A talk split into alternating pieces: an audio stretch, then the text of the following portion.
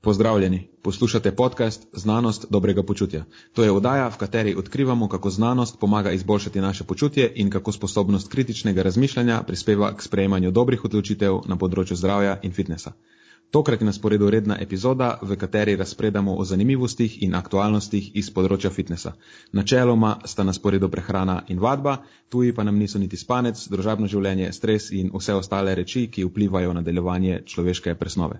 Z vami sva Nenad in moj sovoditelj Matjaš. Nenad, pozdravljen, kako izvrsten uh, uvod si nam danes serviral. Hvala, Matjaš. Danes imamo nov uvod, tak svež. Kaj praviš, ti je všeč? Meni je zelo všeč, pa to mogli poslušalci povedati, kako se njim zdi. Ja, prej si rekel, da je mouthful, tako da sem, sem te uspel prepričati, da je dober, ne? Ja, si, si, si. Škaj, prvič sem ga slišal, navadil sem se že novega prejšnjega, pa pa se veš, kakšni smo ljudje, mm. uh, bitja navade, pa se je težko potem presedlati na nekaj novega. Ampak, to je drugič slišal, tretjič slišal mi mi že ja, v oko. To je kot pivo, ne? to je acquired taste, pridobljen okus, rečejo temu. Moraš parkrat probati, da se ga navadiš. Tako je zelenjava, recimo, tako kot mi učimo ne? naše varovance. Zdaj, če ti enkrat ni všeč, še ne pomeni, da ti nikoli ne bo všeč. Tako da ne obupati. Ne obupati. Probaj, probaj, probaj. Se tako še tudi dojenčke uči, ne? E, ko se sprobavajo neki novi okusi, prvič morda ne gre skozi, pa se jim potem večkrat servira, seveda nikoli na silo, ampak enkrat gre skozi. Ne? Ali pa, zrav, ali pa zraven z nečim, ne? kako pravijo, da, da neka dobra stvar tudi tisto, kar je slabega okusa, spravi po grlo. To sem zdaj zelo tako parafraziral, čez, kako bi temu rekli, veš. Ampak, sej, če ti nekaj ni dobro, da je še zraven nekaj, kar je dobro, pa ti bo mogoče pa vse skupaj užitno. Ja, definitivno. A si opazil, da smo že začela s prehranskimi nasveti? To je ja, ja. najhitrejši prehod v zgodovini tega podcasta. Se bomo zdaj presekali tako na neprehransko stvar. Uh mhm. -huh. Moram se udolžiti za spodrsljaj iz prejšnje epizode.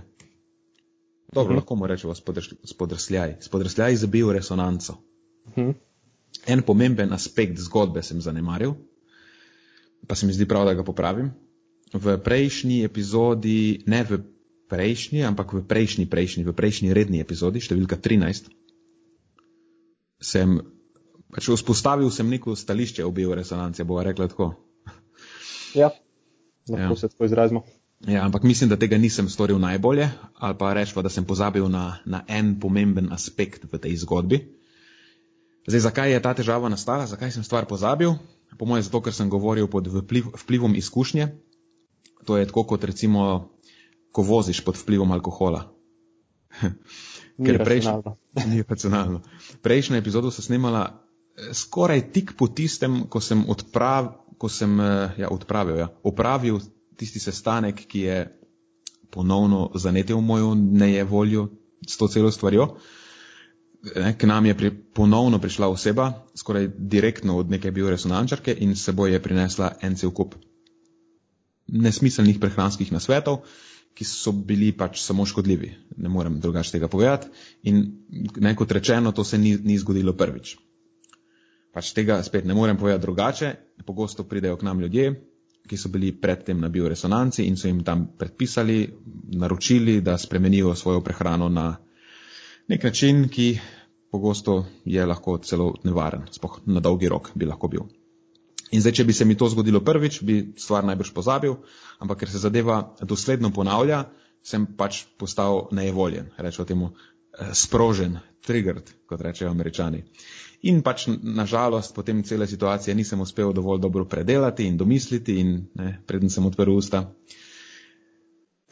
kot me učijo izkušnje, govoriti tako na prvo žogo, ne, pač ni najbolj pametno, ampak se mi še zmeri zgodi. Tako da, vse generalno, um, v povedanem takrat ne vidim nobene večje napake, dejstvo je, da bioresonanca ni znanstveno podprta praksa, sploh ne, ko govorimo o nekih sposobnostih zdravljenja resnih stanj ali pa bolezni. In ko govorimo o priporočilih, ki jih dajemo širši množici, širši množici ljudi, moramo to upoštevati, ker ne vemo, kako učinkovita je zadeva, ne, ko jo rečemo temu uporabljamo na nekem, na nekem javno zdravstvenem nivoju. In povsem možno je, da za veliko večino ljudi ne bo učinkovita. Ampak kar sem prejšnjič pozabil izpostaviti, zelo pomembno reč, ki je ne smemo zanemariti. Kljub temu, da bioresonanca ni znanstveno podprta praksa, da ni nobenih dokazov, da je v povprečju bolj uspešna od placebo, placeba, še vedno se lahko najdejo posamezniki, ki imajo z bioresonanco pozitivno izkušnjo. In ta pozitivna izkušnja je lahko čisto legitimna. Zdaj, zakaj imajo ti posamezniki pozitivno izkušnjo, o tem lahko debatiramo. Jaz bi upal staviti predvsej denarja, da nima nič opraviti s samo bioresonanco oziroma hipotetičnimi mehanizmi, preko katerih naj bi stvar imela učinek. Um, dejstvo je, da se ljudje močno odzivamo na okoliščine in dražljaje, ki jih dobivamo iz okolja. Ne, ko prejmemo neko eh, terapijo, poleg učinkovine ali pa recimo v tem primeru delovanja neke naprave, prejmemo tudi to izkušnjo in okoliščine. Ne, tudi to dobimo zraven. In slednje imajo nek učinek, ki je lahko popolnoma neodvisen od ne, ali učinkovine ali v tem primeru naprave, s katero se to stvar izvaja, terapijo. In to je cela logika placeba dejansko. Placebo je intervencija, ki je zasnovana tako, da ne bi, naj ne bi imela učinka, ne bi smela imeti učinka.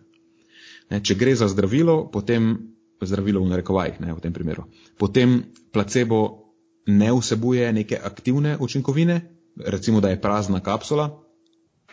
Če pa gre za terapijo z neko napravo, pa se lahko kot placebo uporablja neka podobna naprava, ki pa pač ne deluje tako kot prava naprava, oziroma ne, sploh ne deluje, samo daje vtis, da deluje. Ampak pazi zdaj, placebo pogosto pokaže učinek, kljub temu, da ga, da je v to v narekovaje, ne bi smel pokazati. V tem primeru se ljudje ne odzovejo na učinkovino ali pa na napravo, ne, ker se ne morejo, ker placebo dejansko ne vsebuje ničesar aktivnega.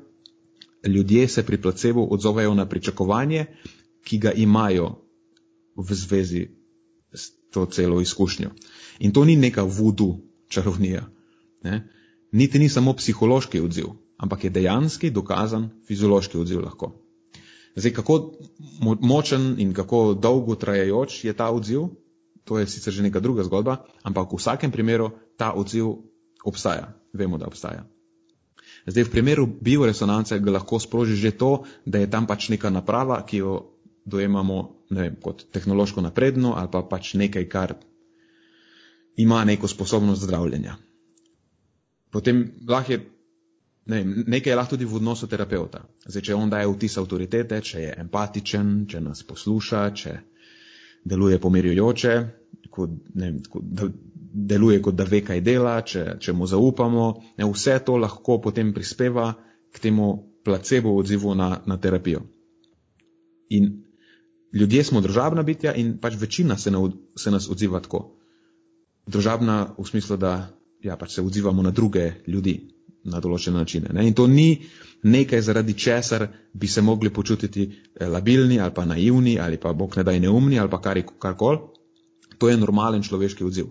Ljudje si pač želimo rešiti svoje težave in takrat, ko ne znamo sami, iščemo nekoga, ki nam lahko pomaga in če mu zaupamo, če dobimo občutek, da nam res lahko pomaga, potem čist možno, da lahko se naša fiziologija naštima v to smer, da dejansko že vnaprej pričakuje nek učinek in to pričakovanje potem lahko uh, fa facilitira, rečejo temu angliži, to je pač um, omogoči pripomore. ali pripomore k nekim pravim fiziološkim spremembam.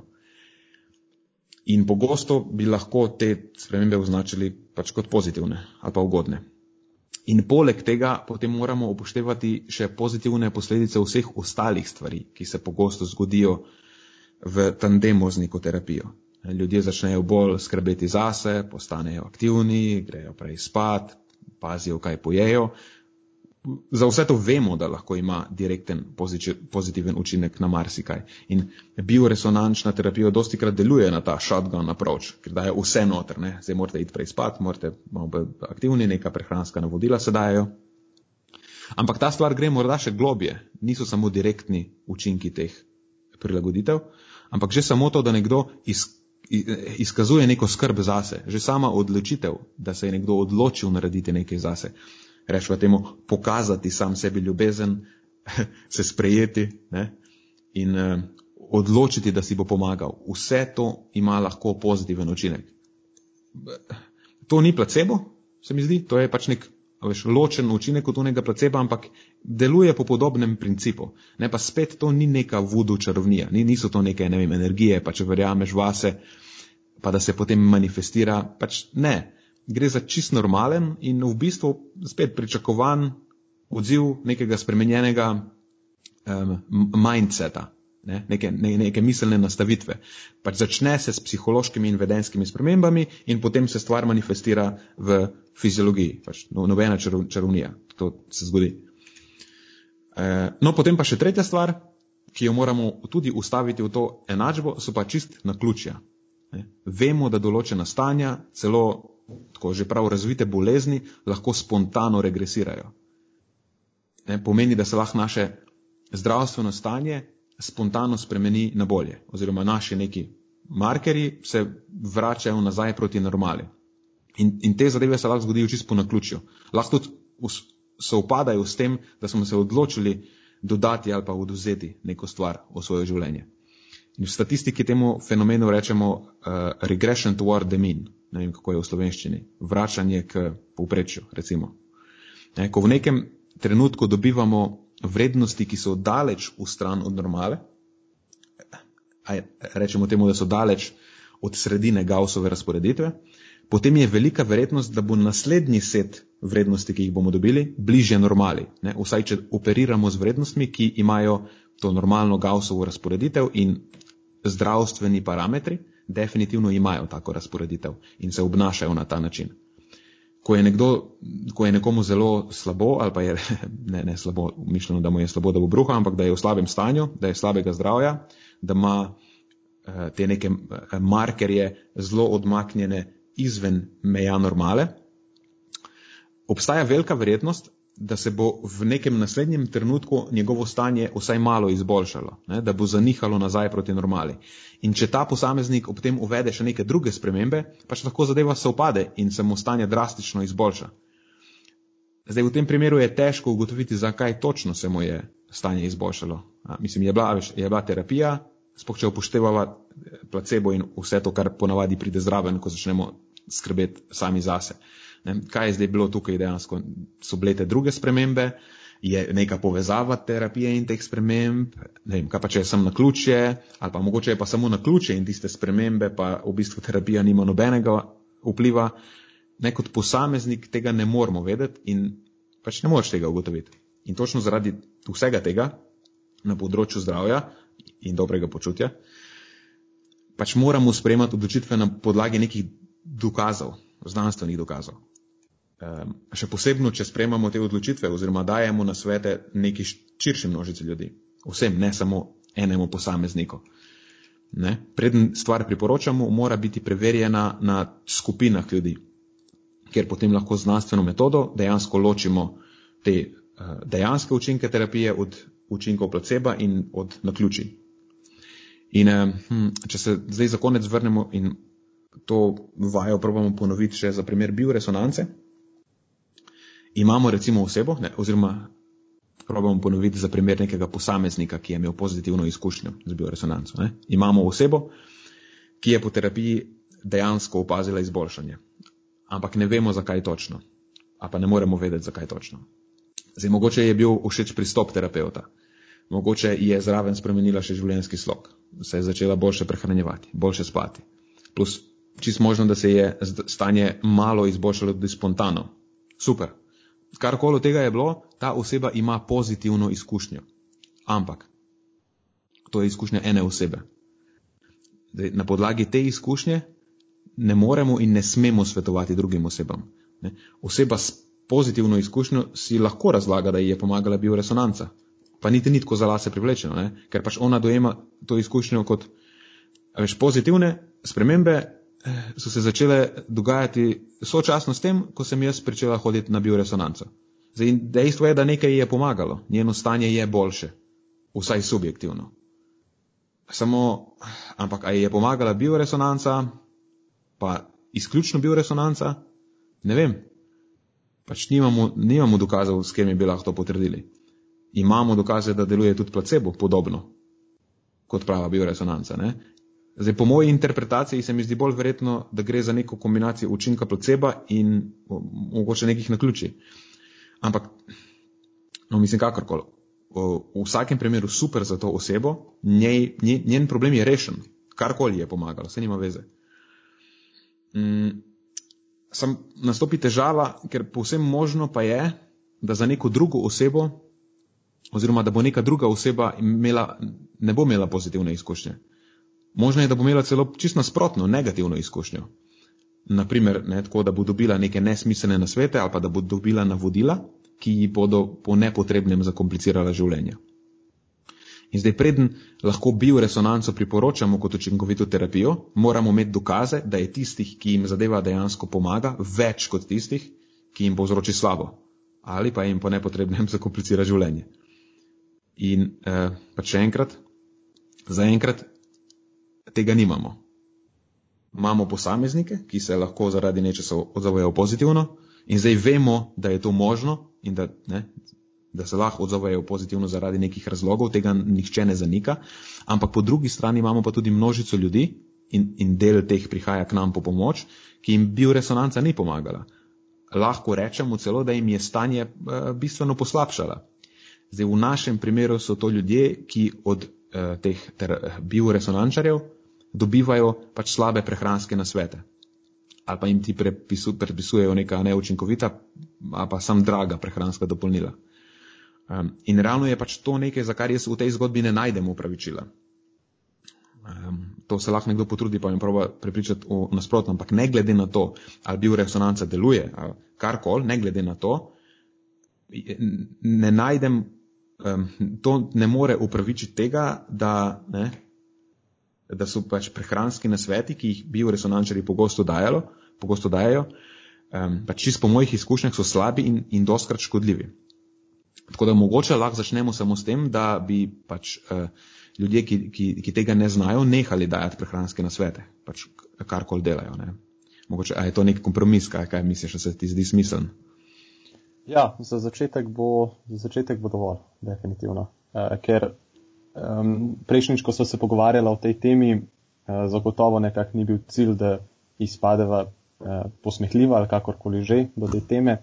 Samo ja, resnično je zme, zmedlo, razjezilo to dejstvo, uh, s kakšnimi prehranskimi nasveti ti posamezniki potem pogosto pridejo, uh, pridejo do nas. In potem, ko imaš opravka že z enim posameznikom, pa z dvema in pa z desetimi in se ponavlja ta zgodba, te pač vse skupaj malo razjezi. Ampak ja, ok, to je zelo dober korak v pravo smer, se strinjam.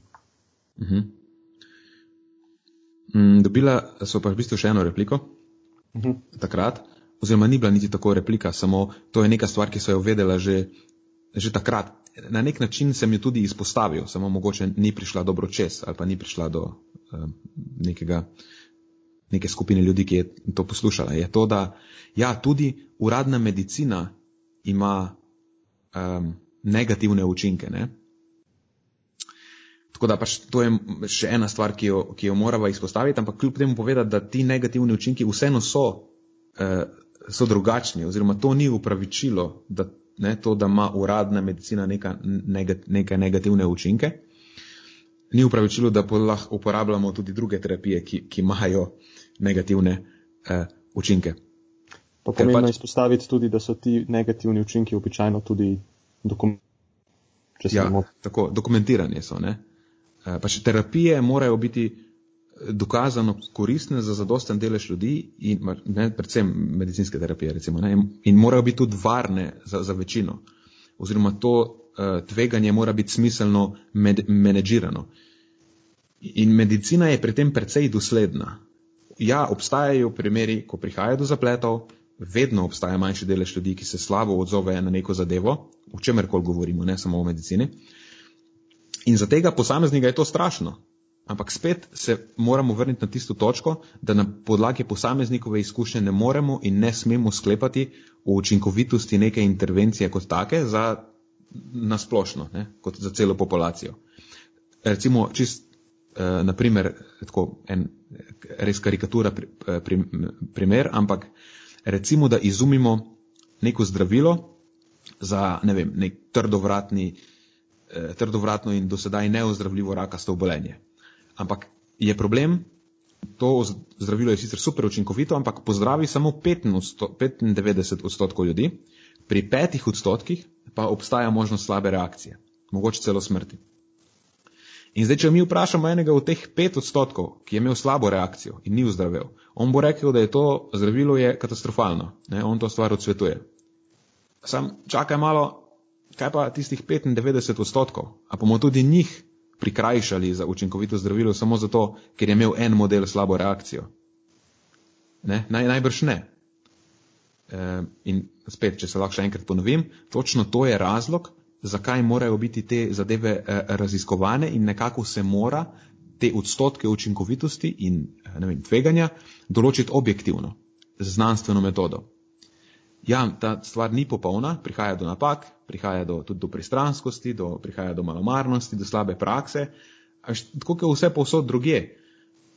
Zdaj, odrasel odnos do tega ni, da pa češ, ah, pejte, vse to, dejte vrsto nekam, to je vse za nič, zato ker je en od stotih zdravnikov malomaren.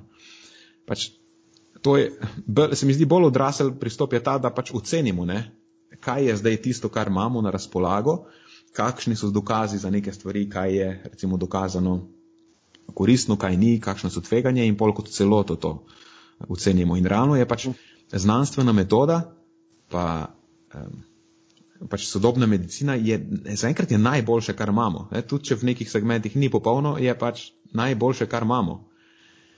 Um, in cel, tudi cel kup ljudi, pametnih ljudi, zelo pametnih ljudi, dela na tem, da, da, se, te, da se te stvari izboljšajo. Tako da to je nekako moj argument, zakaj je uh, medi, sodobna medicina daleč v prednosti pred vsem ostalim. Um, Sploh pred, predvsem je recimo terapijami, ki niso, niso dokazano učinkovite. In tudi verjamem spet, da imajo ljudje slabe izkušnje tudi z uradno medicino, ne, ampak sicer to je pol spet stvar specifike, zdaj lahko najdeš drugo mnenje, ne moreš odvisno od zdravstvenega sistema. Jaz razumem, da so te stvari težke. Uh, samo se mi pa tudi zdi, da bi, da bi nas večina lahko bolj odraslo na te stvari gledala. Ali pa s kritičnim očesom, rečemo temu tako. -huh. Pa zaključiva na tej točki. Ja, mislim, da si s to obrazložitvijo nekako bolje postavil kontekst, o čemer smo se pogovarjali uh, na, na prejšnjem podkastu. Tako da zdaj imamo neko tako sklenjeno celoto. Mm -hmm. Se mi pa zdi fajn, da si prej rekel, da nismo, pač ni bil naj namen biti posmehljiv. Ne? Zdaj, mi dva, če se včasih smejeva, a veš, to ne pomeni, da se komorkoli posmehuje. Mislim, mene stvari so pač smešne včasih. Ja, mislim, daleč od tega. To je, to je nekak zadnja stvar, ki jo imamo mi dva eh, tukaj v mislih. Ne? Ja. Ok, okay. bioresonanca cool. zaključena. Zaključena. Ja, upava ne, lahko pa da bo dobila kako kritiko spet. Nadaljujemo potem čez dva podcasta ponovno. Čez, ja, tako. O čem smo se pa danes želela v osnovi pogovarjati, Nina? O eni zelo popularni temi, ki se ji reče, kako se ji reče v bistvu? V bistvu se ji reče razporeditev obrokov skozi dan, tako po domače. Ja, ampak to ime je, to je, to je brezvestno. Krona ja, prehrana se bo... je veliko bolj zabavna, se ti ne zdi? ja, ampak krono prehrana je, mislim, da pre, preveč specifičen. Je, je, je. V bistvu je podpomenka. Ena nadpomenka je pa to, kako dejansko razporediš svoje obroke skozi dan. In to ni nujno, da ima veze s, krono, s kronobiologijo, oziroma ne, da ni, ni, ni, ni nujno krono prehrana. Uh, ampak gre lahko za neke bolj take uh, direktne, akutne učinke na stvari. Mogoče najprej lahko razdelava, ne, o čem se bomo sploh pogovarjali, pa zakaj je, ta, zakaj, je ta sva, zakaj je ta tema relevantna, ali pa kako smo jo dojemali v preteklosti, ko smo se o tem uh mhm. -huh. pogovarjali. Zdaj, tradicionalno na tem področju ponavadi se pogovarjamo o tem, kaj je dobro recimo za hujšanje, ne, koliko obrokov moraš imeti, ali več, ali manj. Ne, nekako to je bila globina te debate do, do pred kratkim, se mi zdi. In smo pač ugotavljali, zdaj, a vpliv števila obrokov, kakšen je ne, na porabo energije, pa mogoče celodnevno oksidacijo maščobe za energijo. In smo ugotovili, da stvar nekako nima učinka, dokler je pod nekimi izokaloričnimi pogoji. Ne, dokler število obrokov nima učinka na to, koliko kalorij poješ čez dan, pač vemo, da ne vpliva na porabo energije. Zdaj lahko jih poješ deset, lahko poješ dva, na koncu dneva bo ta termični učinek hranjenja, neko potegneš črto, enak. In tako da za hujšanje lahko ješ ali dva ali pa desetkrat, s čimer pač lažje dosežeš svoj kalorični cilj. Tako, ali vržeš uh, več uh, manjših polen na ogen, ali pa manj večjih polen na ogen, končni rezultat tega bo isti, ne, v smislu kurjenja maščobe. Odlično. Odlična, odlična primerjava. Samo težava nastane, ker je to zelo specifična ugotovitev, ki velja samo točno za to, za porabo energije in oksid, recimo celodnevno oksidacijo maščobe. Je, eh, ne, ne, ne moremo je pa kar prenesti tudi na druga področja. In eh, mhm. v teh nekih bro science krogih se ta stvar pogosto ekstrapolira ne, čez meje točnega. Oziroma na podlagi teh ugotovitev se sklepa o nekih drugih stvarih, ki pa ne držijo. Ne. To, da stvar ne vpliva na porabo energije in oksidacijo maščobe, še ne pomeni, da ta neka eh, eh, temporalnost prehranskih vzorcev ali pa časovnost, je to dober prevod, prehranskih vzorcev, ne, ne bo pomembno vplivala na neke druge reči. Um, čist tako direktno, pa recimo v prvi fazi, na naš performance tekom dneva ali pa recimo na performance uh, neke športne aktivnosti ali pa bloka, uh, ne vem, neke tre, tre, enote treninga ali pa nekaj takega. Ne? Tako da tukaj mislim, da nam boš imel ti marsikaj zapovedati. Mhm, v redu. Sem sam želel, eh, smisel, če bo še nadaljeval misel, pa sem pa želel skočiti noter, ampak evo, super prehod, ne nad, tako kot vedno. Uh, skratka, ja, znotraj te uh, izjemno fascinantne tematike znotraj prehrane sem se želel fokusirati danes uh, predvsem na časovni vnos uh, živil oziroma hranil okoli vadbe. Ja, vem, zelo presenetljivo, športni nutricionist bo govoril o prehrani okoli vadbe. Skratka, uh, gre se za prehranjevanje okoli vadbe, pred, med in pa po vadbi v namen izboljšanja performansa, regeneracije uh, in pa same adaptacije na program vadbe. In da vam to zadevo bolje predstavil, se, si bom danes pomagal z uh, rezultati enega sveže pečenega pregleda literature na to temo, narejenega strani Arenta in sodelavcev iz Univerze v Zvezdni državi Južne Karoline, kjer se mi zdi, da so bolj kot ne zelo dobro zbrali na kup vse, kar vemo o tej temi. In pa kar je bilo meni vsaj zelo všeč, da niso podali fokus zgolj na eno obdobje znotraj tega časovnega vnosa hranil. Recimo, običajno bi se to zgodilo na recimo, prehrano po končani vadbi, ampak so vzeli v obzir timing vnosa hranil okoli vadbe kot celoto, kar je seveda tudi potrebno storiti. Ne, timing vnosa hranil ne poteka v izolaciji, ampak je skupek časovnega vnosa hranil pred, med in po vadbi in vsa ta obdobja vplivajo drug na drugega. Ne? Zdaj karikiram. Težko se recimo pogovarjamo zgolj o tem, kaj je potrebno zaužiti takoj po končani vadbi, brez da bi vedeli, kaj, kdaj in koliko določenega hranila je posameznik užival pred in pa med vadbo. Tako, v tem stilu.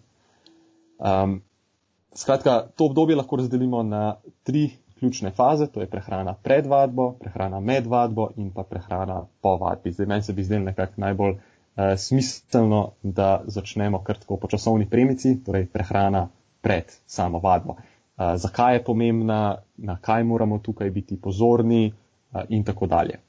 Zdaj, ko rečem prehrana pred vadbo, se običajno pogovarjamo o obdobju, ki se začne par ur pred začetkom vadbe. Eh, in pa potem vse do samega začetka vadbe. In ključnega pomena tukaj je predvsem to, da poskrbimo, da so naše telesne zaloge goriva za kasnejšo fizično aktivnost ustrezno pokrita. A, poleg tega pa ima tudi ustrezna prehrana pred vadbo lahko pozitiven vpliv na imunski sistem, a, kasneje in v primeru vzdržljivostne vadbe, kakor tudi vadbe za moč. Torej, to so nekako ta dva ključna faktorja, ki, zaradi katerih moramo poskrbeti, da je prehrana pred vadbo ustrezna. A te lahko lah malo prekinemo? Ja, prosim, hvala Bogu, eno, da eno, eno, jaz govoril. Eno, ja, se sem jaz pregovoril pa ure. Um, ne, oprosti, ampak eno vprašanje imam. A, a so mogoče napovedali, a je to ločeno od celokupnega energijskega vnosa ali je to nek akuten, akuten vpliv tega, da ješ pred Na imunski sistem govorim, ne? tega, da je. Imunski sistem, ja, to naj bi, bil, naj bi bil akuten, ampak ti bom pa po prvici povedal na tej točki, da nisem, da nisem prepričan, um, kako dobro dokumentirano je to pravzaprav. Uh, ne bi se pa tukaj pogovarjali o akutnem vplivu. Ok, super. Um, no ja, uh, skratka, govoril sem o nekem uh, polnjenju telesnih zalog goriva za kasnejšo aktivnost. Ne, tako kot recimo, ko gremo peljati avtomobil, ga pač moramo napolniti z gorivom, če ga potem želimo kasneje eh, hitro peljati in pa peljati nadalje razdalje, eh, na daljše razdalje. Zdaj, ko rečem to gorivo, imam vsaj tukaj v mislih predvsem oglikove hidrate in ne toliko maščobe, kajti oglikovi hidrati so v tem kontekstu veliko pomembnejši za samo športnikovo zmogljivost. Ne? Kajti sam ta proces razgradnje shranjenih telesnih maščob, eh, transporta teh prostih maščobnih kislin do mitohondrijev skeletnih mišic in potem njihova oksidacija in pa posledična uh, tvorba tega ATP-ja je predvsej manj učinkovit proces napram izkoristu samih ugljikovih hidratov.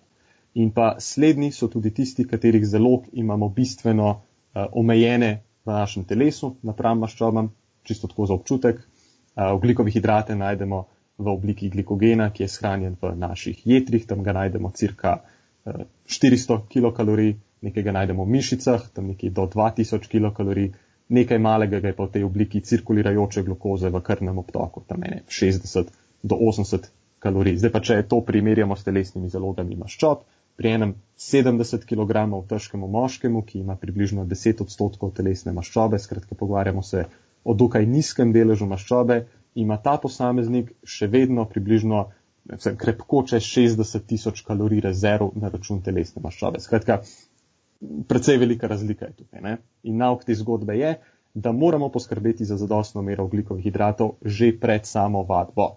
Dočim maščobe v tem obdobju niso ravno najbolj pomembne, oziroma lahko celo rečemo, da so v določenih scenarijih um, pod narekovaji škodljive, predvsem v tem smislu, če jih pojemo preveč, upočasnimo prebavo, čudimo mogoče malo bolj težek želodec tekom same aktivnosti in to je tudi nekaj, kar se pogosto zgodi v praksi.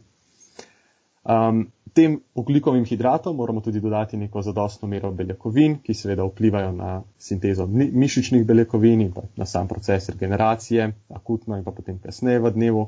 Um, bi pa omenil, da ja, oglikovi hidrati so v tem obdobju zagotovo pomembni.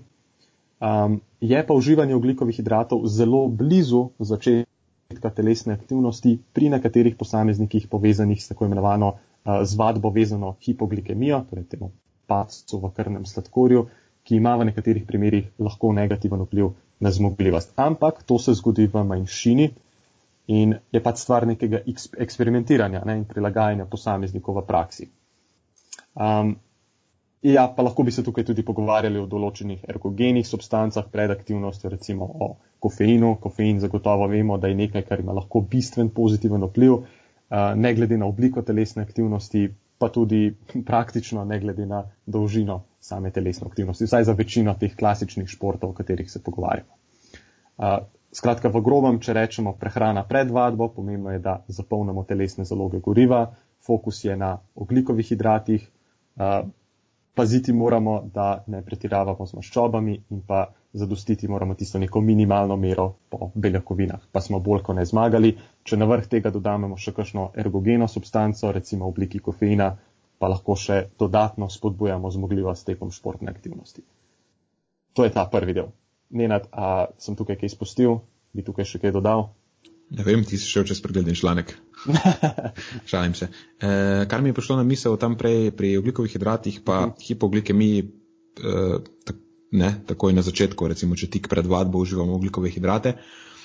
To je pač samo kombinacija tega, da se tik, oziroma ne, potem, ko jemo, spoh obrok z visoko vsebnostjo oglikovih hidratov, prije do dviga inzulina in potem direktno potem začnemo trošiti sladkor v krvi še z vadbo ne, in je kombinacija obojega. Ne gre tukaj za nek, ne vem, slab vpliv ugljikovih, a veš, v tisti ja, ja znani ja, karikaturi, da ful mi je dvignil krvni sladkor in mi je stvar zanikala. Ne gre se samo za to, da je glih oba dva ta. Eh, Sopadeta ta procesa. Sopadeta, ja, ta procesa, tako malo po nesreč skoraj.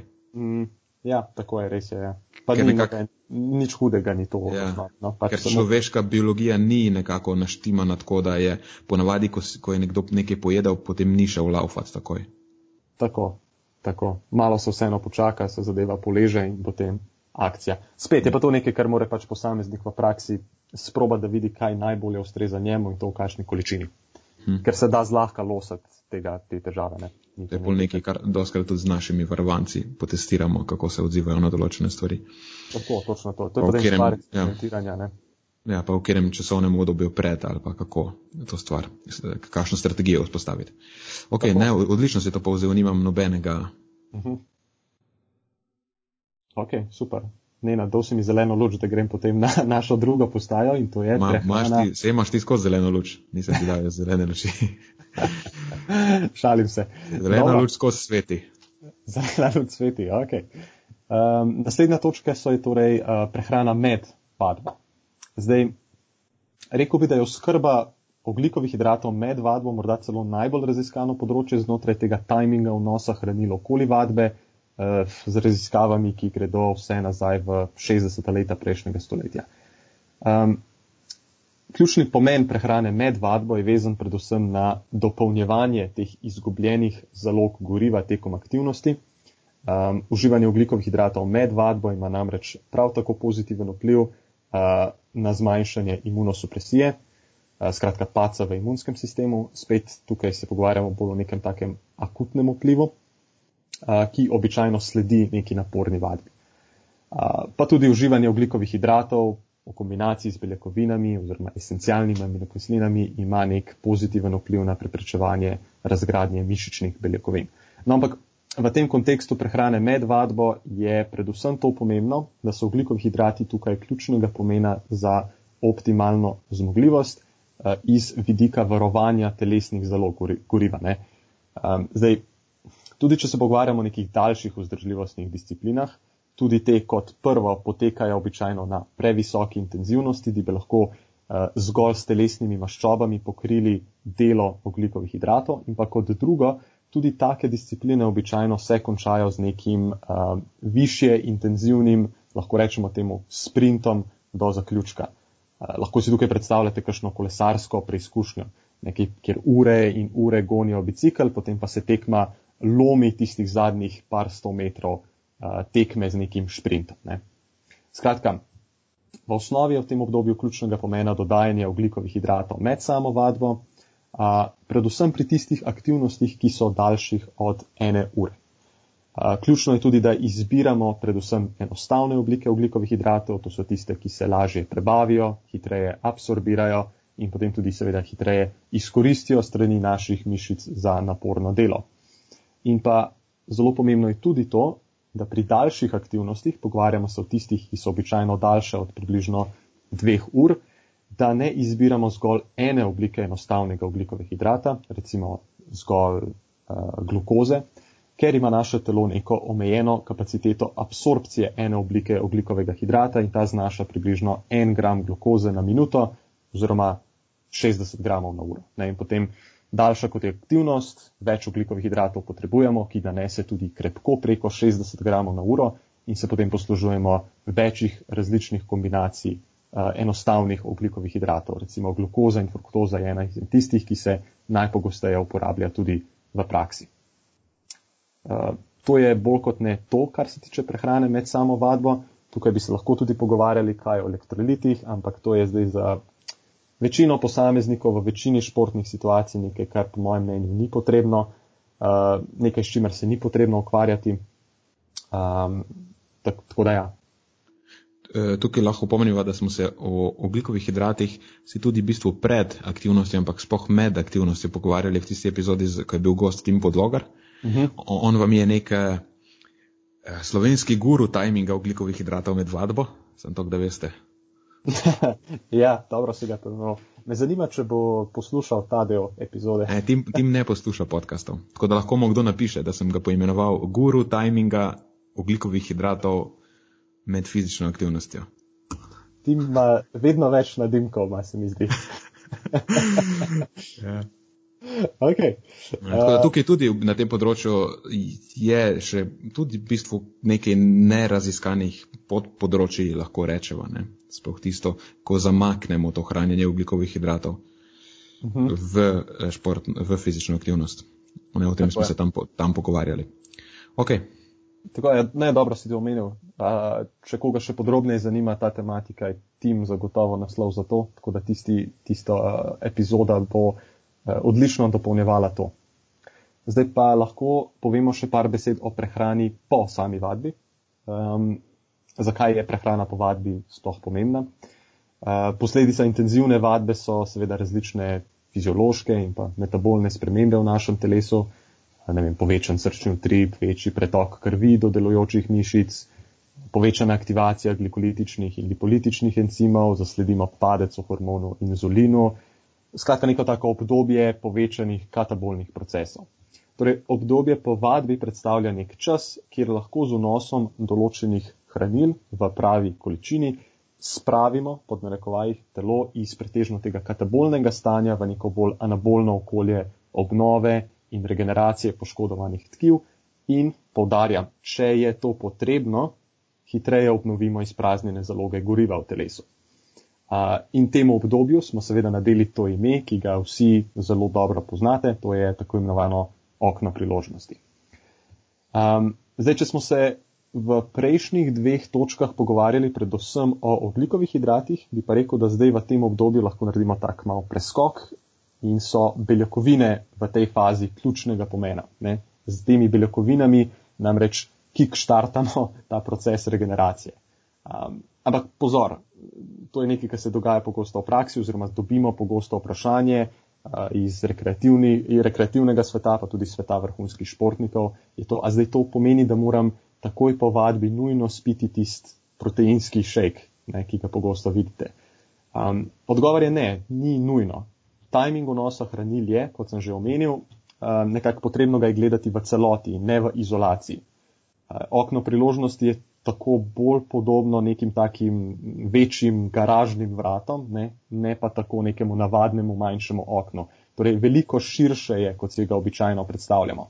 Torej, vprašanje je v bistvu bolj to, kdaj ste na zadnjem zaužili obrok za dosno mero beljakovin pred treningom.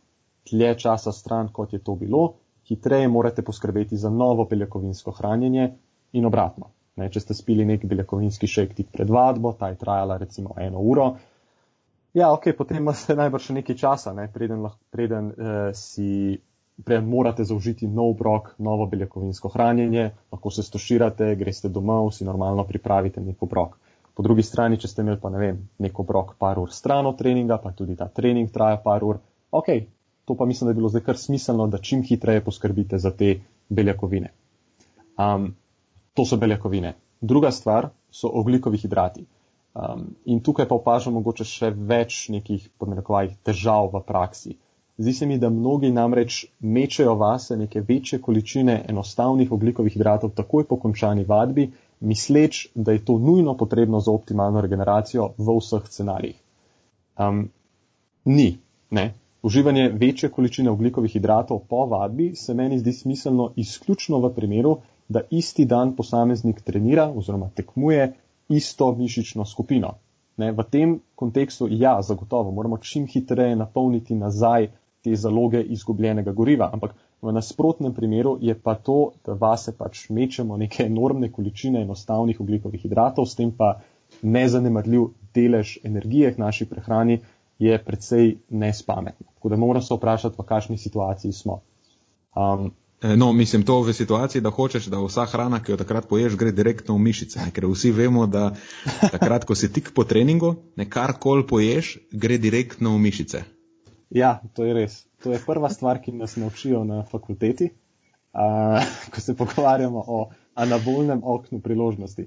Ja, tako da pazljivo, no, mislim, zdaj se malo šaliva tle z nenadom, ampak to se dejansko potem dogaja tudi v praksi. Kakšni vrhunski mladi športniki gredo potem po treningu, pa mečejo vase razne pice, pa bureke in podobne stvari. Misliš, da se to sem in tako vse porabil, to sploh ni problem. Ne, temu ni tako. A, potrebuješ zadostno mero beljakovin, v takih živilih je po vsej verjetnosti ne dobiš dovolj, ja, dobiš pa kar precej kalorij poleg tega, ki jih morda v tistem danem dotičnem trenutku niti ne potrebuješ, oziroma jih skoraj zagotovo ne potrebuješ, pa jih bi bilo smiselno pokriti z nekaterimi drugimi živili bolje razporejenimi preko dneva. Mm. Maščobe, maščobe ne bodo šle v mišice, ne? Tako, sploh smo imeli višek, višek maščob. Ja. Tako, tako. Um, in ravno na tej točki sem se spomnil nenad, ker smo se s tem z, Ma, z Marijem pogovarjali zadnjič, uh, mislim, na prejšnji teden ravno, je to, da se ta trenutek precej pogosto, mislim, da priporoča to čokoladno mleko, tako je po vadbi. Mm -hmm. Ti si tudi zagotovo že slišal za to. Ja, je, je. ja vidik.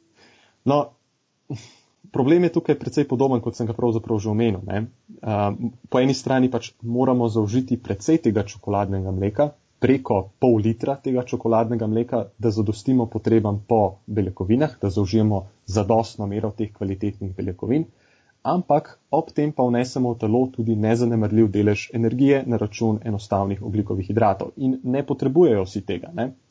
Spet, tisti, ki morajo čim hitreje napolniti zaloge glikogena, ker pač trenirajo ali tekmujejo uh, z uporabo istih mišičnih skupin isti dan. Um, po drugi strani pa tisti, ki tega ne delajo, ne počnejo, pa nekako ni ključnega pomena, da čim hitreje napolnimo nazaj te zaloge glikogena. Ne. To ni tekmovanje v tem, kdo hitreje napolni nazaj izgubljene zaloge glikogena. To ni poanta regeneracije. Ne. Ključna točka so torej beljakovine, oglikovi hidrati so pa potem samo še nek dodatek na vrhu tega, po potrebi in odvisno od situacije. Tako da mogoče bi v takih scenarijih bilo veliko bolj smiselno za nekoga, ki ne trenira večkrat na dan z, uporabo istih mišičnih skupin, da enostavno poskrbi za tiste beljakovine, morda v obliki beljakovin v prahu, če se mu res modi, morda ne, z uporabo nekega pravega obroka, po narekovaji, in si raje prišpara tiste kalorije za kakšen drug del dneva. Mislim, plus to, da čokoladno mleko doskrat ni samo mlečni sladkor, pa mlečne beljakovine, ampak je lahko polnomastno uh mhm. -huh. mleko, oziroma ja, narejen s polnomastnim mlekom. Tako da to so tudi maščobe, ki jih pač takrat ne potrebuješ, spoh če imaš omejen e, energijski ta budžet. Tako. Ena stvar me zelo, pač gre mi na živce v zvezi s tem e, čokoladnim mlekom. Ko se reče, da je čokoladno mleko, je pa najboljši napitek po treningu. Ne? Ker kaj spoh najboljši v tem kontekstu pomeni? Pač, ne, če rečeš najboljši, ok, kul, cool, najboljši. Najboljši, zakaj je najboljši? Uh mhm. -huh. Doskrat ljudje pol ne vejo reči, okay, zakaj je. Ne? Pač rekli so, da je najboljši. Um, ok, sem, zakaj je najboljši? Um, ker dejansko ni najboljši. Ni nujno, da je najboljši. Stvar je od konteksta odvisna, kot si lepo razložil. Um, in mislim, da za najboljši je lahko, za, v bistvu je najboljši za zelo omejen, za zelo omejeno ciljno skupino, je, je, je, je za res najboljši. Dočim za večino mislim, da ni najboljši. Pa še imam težavo s tem, ko nekdo reče, da je nekaj najboljše, tako nasplošno. Se mislim, da ja. vsi mi imamo težavo s tem. Ja, imamo, ja, pač prehrana ni tako črno-bela, ni nekaj ja. zdaj top, pa nekaj je čisto slovo. Ne, lej, um, na te beljakovine lahko pokrijemo na, na morje različnih načinov, kakor tudi te oglikove hidrate. Ne, mm. Pač čokoladno mleko je tako, kot se rekel, samo ena izmed opcij za določeno skupino ljudi, oziroma mm. za neko manjšino ljudi pravzaprav. Zakaj bi nekdo lahko rekel, da je stvar najboljši vir beljakovin, če, če bi zmerili recimo vplive na sintezo mišičnih beljakovin? Ne? Samo se veš, kako je moje stališče glede tega. Mislim, da so neke te raziskave na, narejene v precej, eh, ne, v precej nadzorovanih in nerealnih pogojih in se mi zdi, da marsikaj tega ne moramo posplošiti na resnično življenje. Um, da zadeve niso glih tako črno-bele, kot nekatere raziskave kažejo, ne, spoh če primerjamo neke čiste vire beljakovin, kot so whey, pa take stvari, več teh stvari ne moramo glih posplošiti na, na, na dan, v katerem uživamo mešana, mešane obroke. Ne, ne vem. Mislim, da, da ful preveč ene, enega kompliciranja se dogaja okoli teh virov beljakovin, pa keri so najboljši, pa keri niso najboljši, pa ta sproža sintezo mišičnih beljakovin v tej meri, pa un v malo manjši, pa zdaj je un, ki bolj sproža, je boljši, kot un, ki jo manj sproža v teh izoliranih pogojih. Ne vem pač, če je približno kakovosten, recimo temu, eh, spoh če, če govoriva o visoko kakovostnih virih beljakovin, ki so ponovadi živalskega izvora, pomislim, da to vsako dlako cepljenje eh, za večino ljudi bo tako res nekje na repo tistih stvari, ki so pomembne ali pa ki bodo v roko nekega relevantnega obdobja dejansko vplivali na to, koliko mišične mase nekdo pridobi. In zdaj, da mi ja. reče, da je ok, čokoladno mleko je pa zdaj najboljše in bom jedel čokoladno mleko, zato ko so rekli, da je najboljše in ne bom več, ne vem, pil veja ali pa ne bom šel domov na zrezek in krompir. Ne vem, če je glih to lahko, eh, ne vem, če je to smiseln argument. Ne, zagotovo ni. Popolnoma se strinjam. Mogoče bi sam, uh, sam za konec uh, bi omenil, kar se mi je zdelo zelo zanimivo, to so zaključne besede avtorjev na to temo. Pri, hmm. pri prehrani športnikov oziroma prehrani na splošno pač obstaja neka hierarhija potreb in zdaj, če gledamo na to hierarhijo kot proces priprave torte, potem dražljaj vadbe oziroma trening kot tak v kombinaciji s celokupnim dnevnim vnosom hranil uh, tvorita to torto kot celoto. Potem pa ta timing, ta časovni vnos hranil okoli vadbe predstavlja glazuro torte, preostale bolj napredne prehranske strategije, recimo ta train low strategija, pa predstavlja zgolj dekoracijo. In tako glazura, kako tudi dekoracija sta brez predhodno narejene torte, seveda popolnoma brezpredmetna. Mhm. Um, torej, kar želim nekako povedati je, ne, po, po, po dolgem procesu sem prišel do ene brezsramne samopromocije. Če je kdo tam zunaj, ki posluša ta podcast in bi se želel naučiti, kako speči pravilno torto in jo potem naknadno tudi dobro dodelati z glazuro in pa z dekoracijami, potem smo mi pravi naslov za vas. Ja, mi smo v tem biznisu pečenja športnih tort že do, dolgo časa in baje pečemo dobre torte. A si, si vedel na začetku današnjega podcasta, da smo o torta pogovarjali? E, nisem, nisem pričakoval tega. Tako, evo, to je bil nekak zaključek moje. Vpliv tajminga, ja, tajminga prehrane na šport, na performance. Tako. Tako da, ja, tukaj vidimo, kako fajn si nam to predstavil, kako eh, ne, kljub temu, da ja, ta neštevilo obrokov mogoče res nima vpliva na porabo energije, samo lahko ima pa vpliv na kupenih stvari, to, kaj jemo pred vadbo, med vadbo, pa po vadbi. Ne. Tako. Uh, ok, zdaj pa mogoče, da dava v naslednjo predstavo, predstavo. Jaz sem nameraval govoriti o teh povezavah Mm, te, te temporalnosti, eh, časovne razporeditve prehranskih vzorcev v, pove, ja, v povezavi z različnimi eh, zdravstvenimi izidi ali pa z različno stopnjo tveganja za neke bolezni, predvsem na področju um, kardiometabolnega ali pa ne, rečemo temu presnovnega in srčno-žilnega zdravja. Um, zdaj, ko se zač, začnemo o tej stvari pogovarjati, pa so vplivi te časovne razporeditve bolj kronični postajajo. Ni več toliko važno, a zdaj imaš ti en dan zajtrk, ali si pred treningom uh, spil ugljikove hidrate, ali si pol po treningu spil shake, ampak govorimo o neki kronični izpostavljenosti, ne, o nekih prehranskih navadah.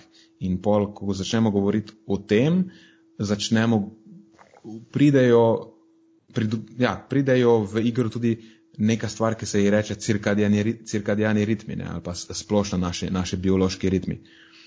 Um, to, to je, se mi zdi, ta razlika. Dočim lahko rečemo, da na večino teh konsideracij, ne, stvari, na kere moramo biti pozorni, ko se pogovarjamo o fizični aktivnosti ali pa prilagoditvah na fizično aktivnost, v bistvu niso povezane z temi cirkadijanimi ritmi. Um, te eh, cirkadijani ritmi postanejo nek, eh, nek driver, ki potem začne poganjati razmerje med, med timingom obrokov in potem presnovnim odzivom na te obroke. Uh, in čez neko kronično obdobje, potem med, med prehranskimi vzorci, ki jih imamo, in pa stopnjo tveganja za, za presnovne motnje. Ne? Pač nekako te cirkadijani ritmi so driver tega, tega razmerja. Zdaj, mogoče, da jim malo pojasniti, kaj sploh so ti cirkadijani ritmi. Ne? ne vem, če večina, večina ljudi si, do, si dobro predstavlja. Je ena beseda, s katero se pogosto tako opleta, ne? je neka tak catchword. Um, čist, vse razlaga je enostavna. Ime izvira iz latinščine, cirka pomeni eh, okrog ali pa približno, dia pa dan. Ne, torej, že ime samo pove, da gre za ne, neke cikle, ki oscilirajo eh, oziroma naredijo krog v približno enem dnevu ali pa so približno en dan dolgi, lahko rečemo po domače.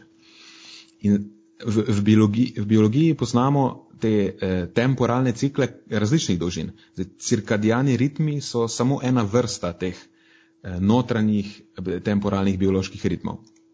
In različne živali svojo biologijo organizirajo eh, pač tudi na, glede na, da, na da, obdobja, ki so daljša od enega dneva. Eh, to so recimo veš, tedni, meseci, letni časi, eh, cela leta ali pa na obdobja, ki so, ki so krajša od enega dneva, recimo glede na plimovanje ne, neke živali, ki je za njih to pomembno. Zdaj tukaj že vidimo, kam smo spet zašli, ne v biologijo, pač ne morem si pomagati. In če damo čisto praktičen primer, biološkega ritma, ki je daljši od enega dneva, je naprimer menstrualni cikl, ne, ki je približno mese, mesečni cikl, ali pa rečemo bolj natančno nekje v povprečju, 28 dni je dolg. Zdaj lahko je daljši ali pa krajši, odvisno od nekih drugih dejavnikov. Um, ali pa primer nekega sezonskega ritma, um, pri ljudeh sicer to ni izrazito, ampak rečemo pri medvedih, ki zimo preživijo v mirovanju. Ne? To je nek sezonski cikl. Je tako fun fact, ki sem vas že upozoril prej o biologiji, um, včasih kdo reče, da medvedi hibernirajo.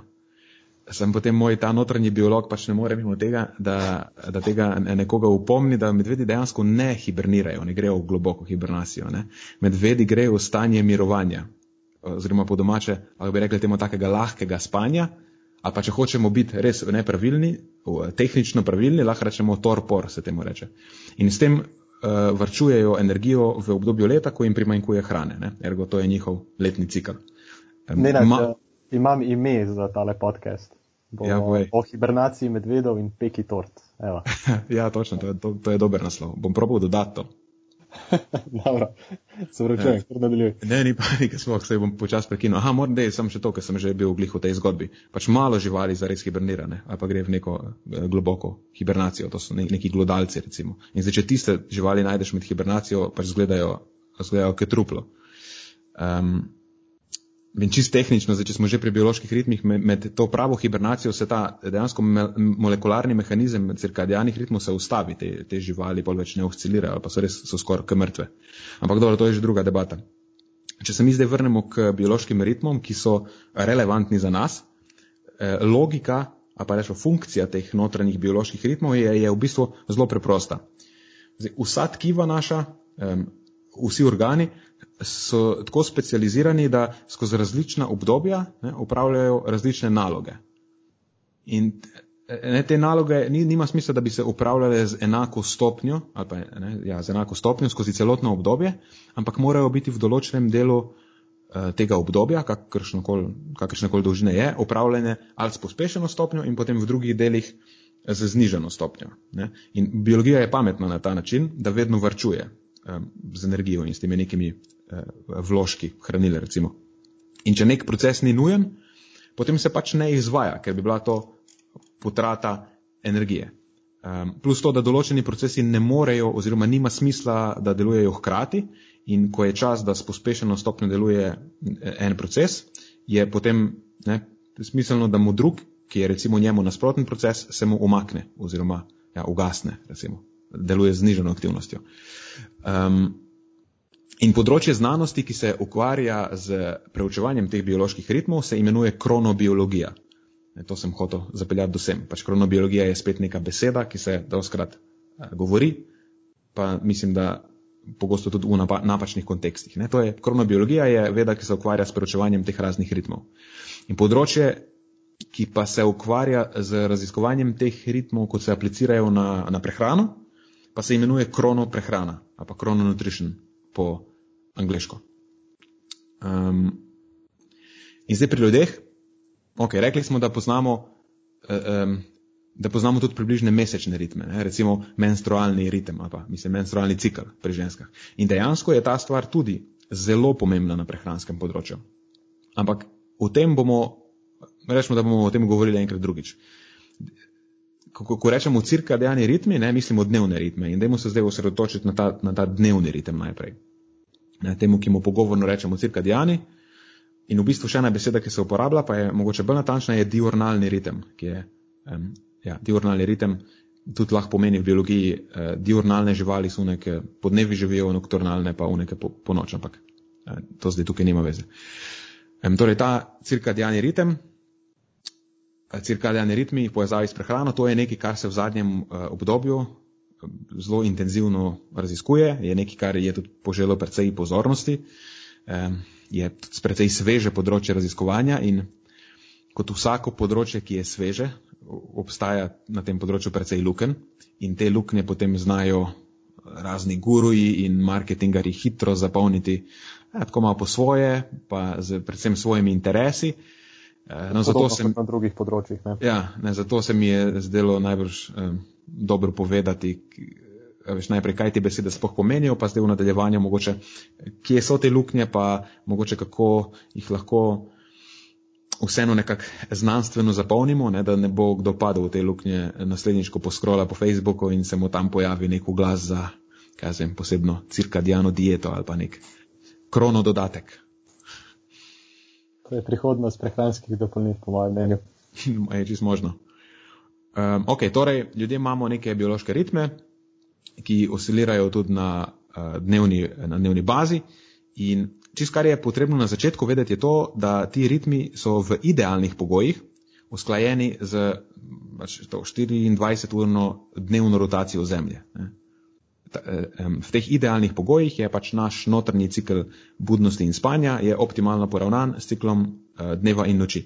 In to je za delovanje naše biologije super stvar, ker pač po dnevi ne, imajo ti ritmi, um, pač delujejo tako, da so prilagojeni za učinkovito delovanje v aktivnem delu dneva in pol po noči je obratno, da so bolj izražene in aktivne tiste funkcije, ki omogočajo uh, te procese, ki so pomembni za neaktiven del dneve, dneva.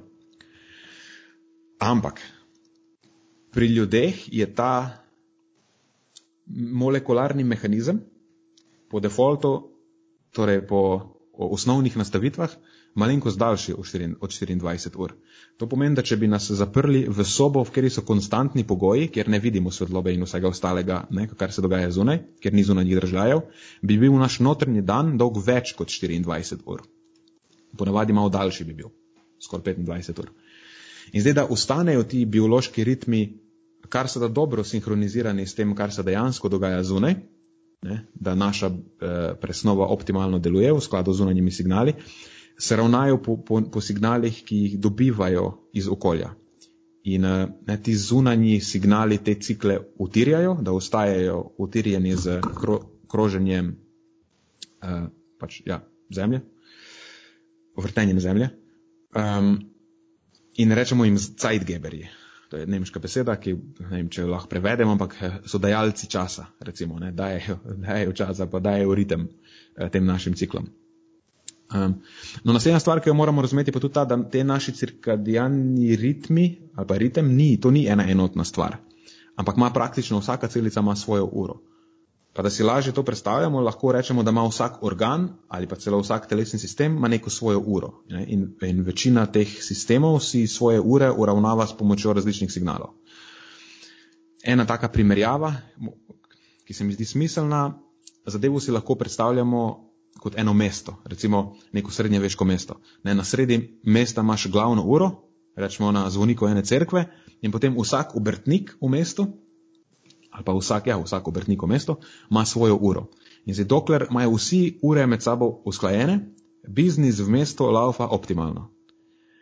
Ko pa gre kakšna ura po svoje, pa pa lahko, recimo, da en podjetnik si malo po svoje naštima uro ali pa da mu začne prehitevati, začnejo vsaj pri njemu posli škripati. Ne, recimo, da ne dobi surovin za izdelavo svojih obrtniških izdelkov, glih takrat, ko jih pričakuje. Recimo, on misli, da bo dobil stvar ob 8 zjutraj, in, pričakuje, eh, in jih pričakuje, ne? njegova ura je pa recimo dve uri eh, prehitra. In on jih bo dobil šele pač ob desetih po njegovi uri. Ne? In to je to zdaj, zanj sta to dve eh, stran vrženi uri dela, ko mora čakati. Ne vem, je to dobra prispodoba, meni se zdi ja. smiselna. Ja, ja. Si, uh, dobro si predstavljam situacijo. In isto tako, zdaj lahko vidimo že hitro, kako se pri prehrani ta stvar, kako se lahko na prehrano aplicira. Ne? Če neki obrtniki, ki delajo s prehrano, imajo narobe naštivane ure, je bi lahko to potencialno bilo, bilo problematično.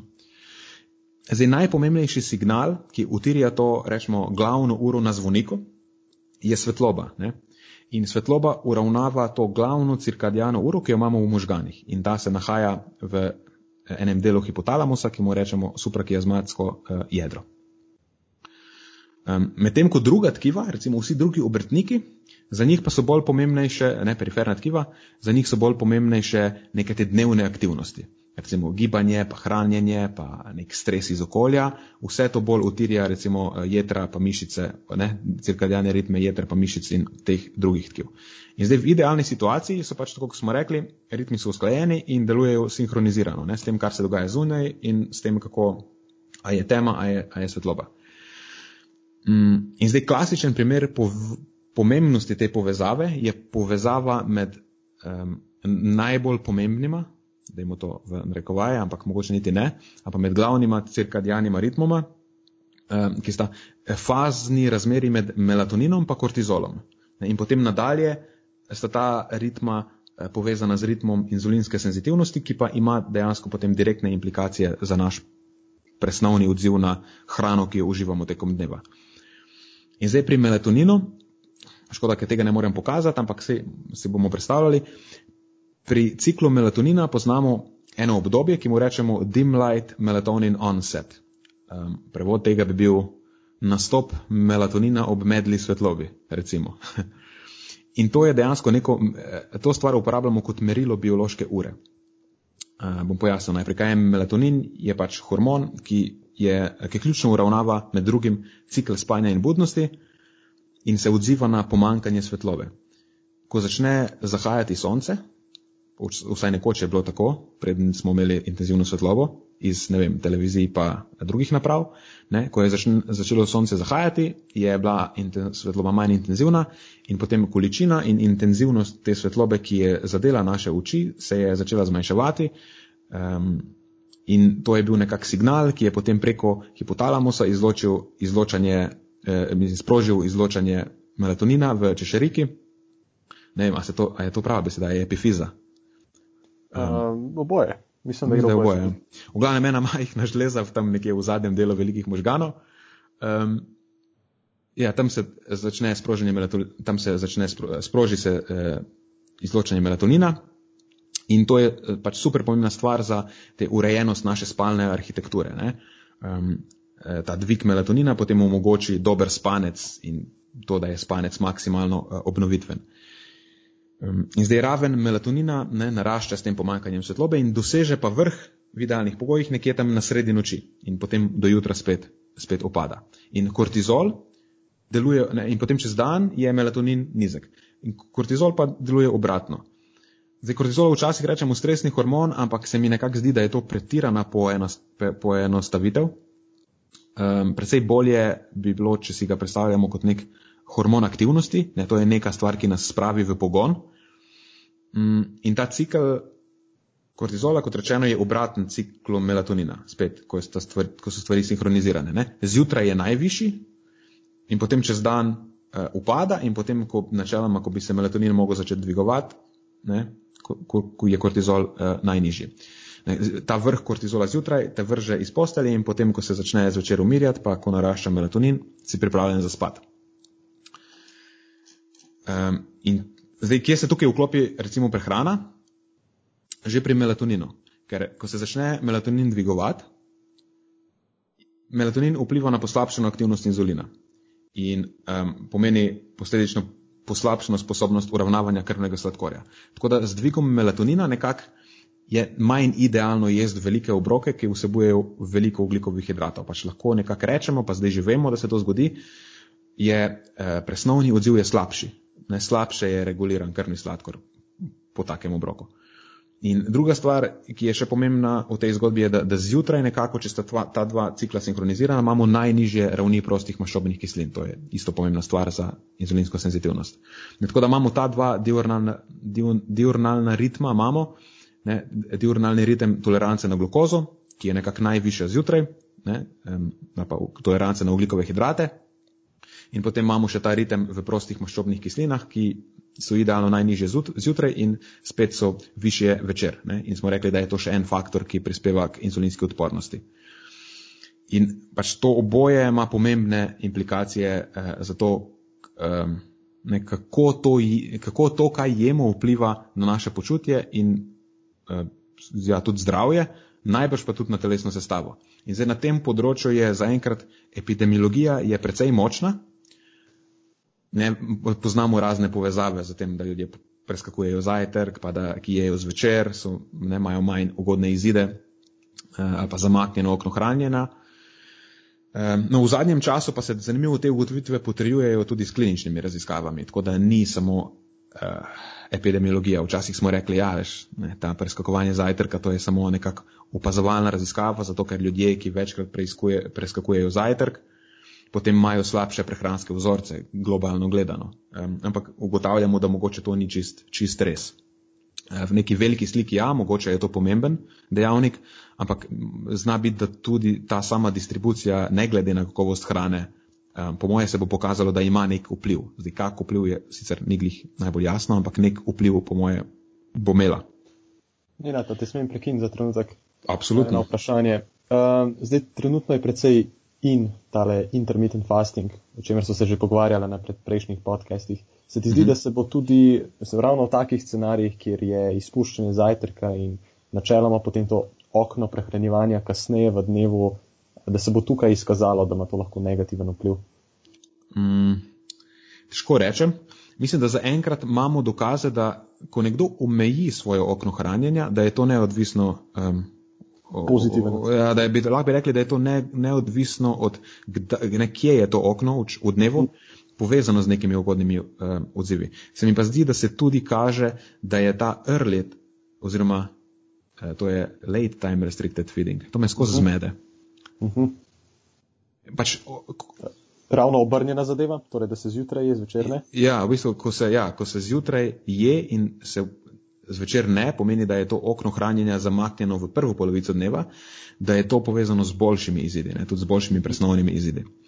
Um, Ker tudi moramo upoštevati, da ponovadi ljudje prihajajo v te raziskave oziroma se angažira ljudi, ki, ki, so, ki niso zdravi na začetku, ne, že imajo tako ali tako neidealne prehranske vzorce. In potem, ko se ta zadeva strne, tako ali tako se pokaže pozitiven odziv. Se mi Zaenkrat pa kaže, da se, da se bolj pozitiven odziv kaže v, v primerih, ko jim zamaknejo v prvo polovico dneva mhm. obdobje ja, hranjenja.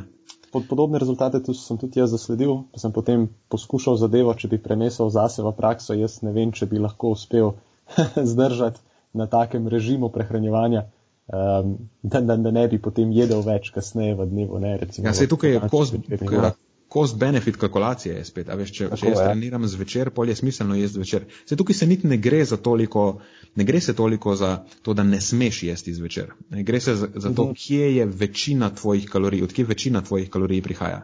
Ker če recimo pogledamo, kako je ta temporalna distribucija energijskega vnosa povezana s presnovnim zdravjem. Imamo prej, precej dosledne povezave soda, recimo v, eh, v teh. Eh, Amerikan, amerikaniziranih državah ali pa te amerikanizirani prehranski vzorci, mislim, da se tudi Slovenijo bi lahko sem uvrstili, pa sploh pa te eh, zahodne razvite države.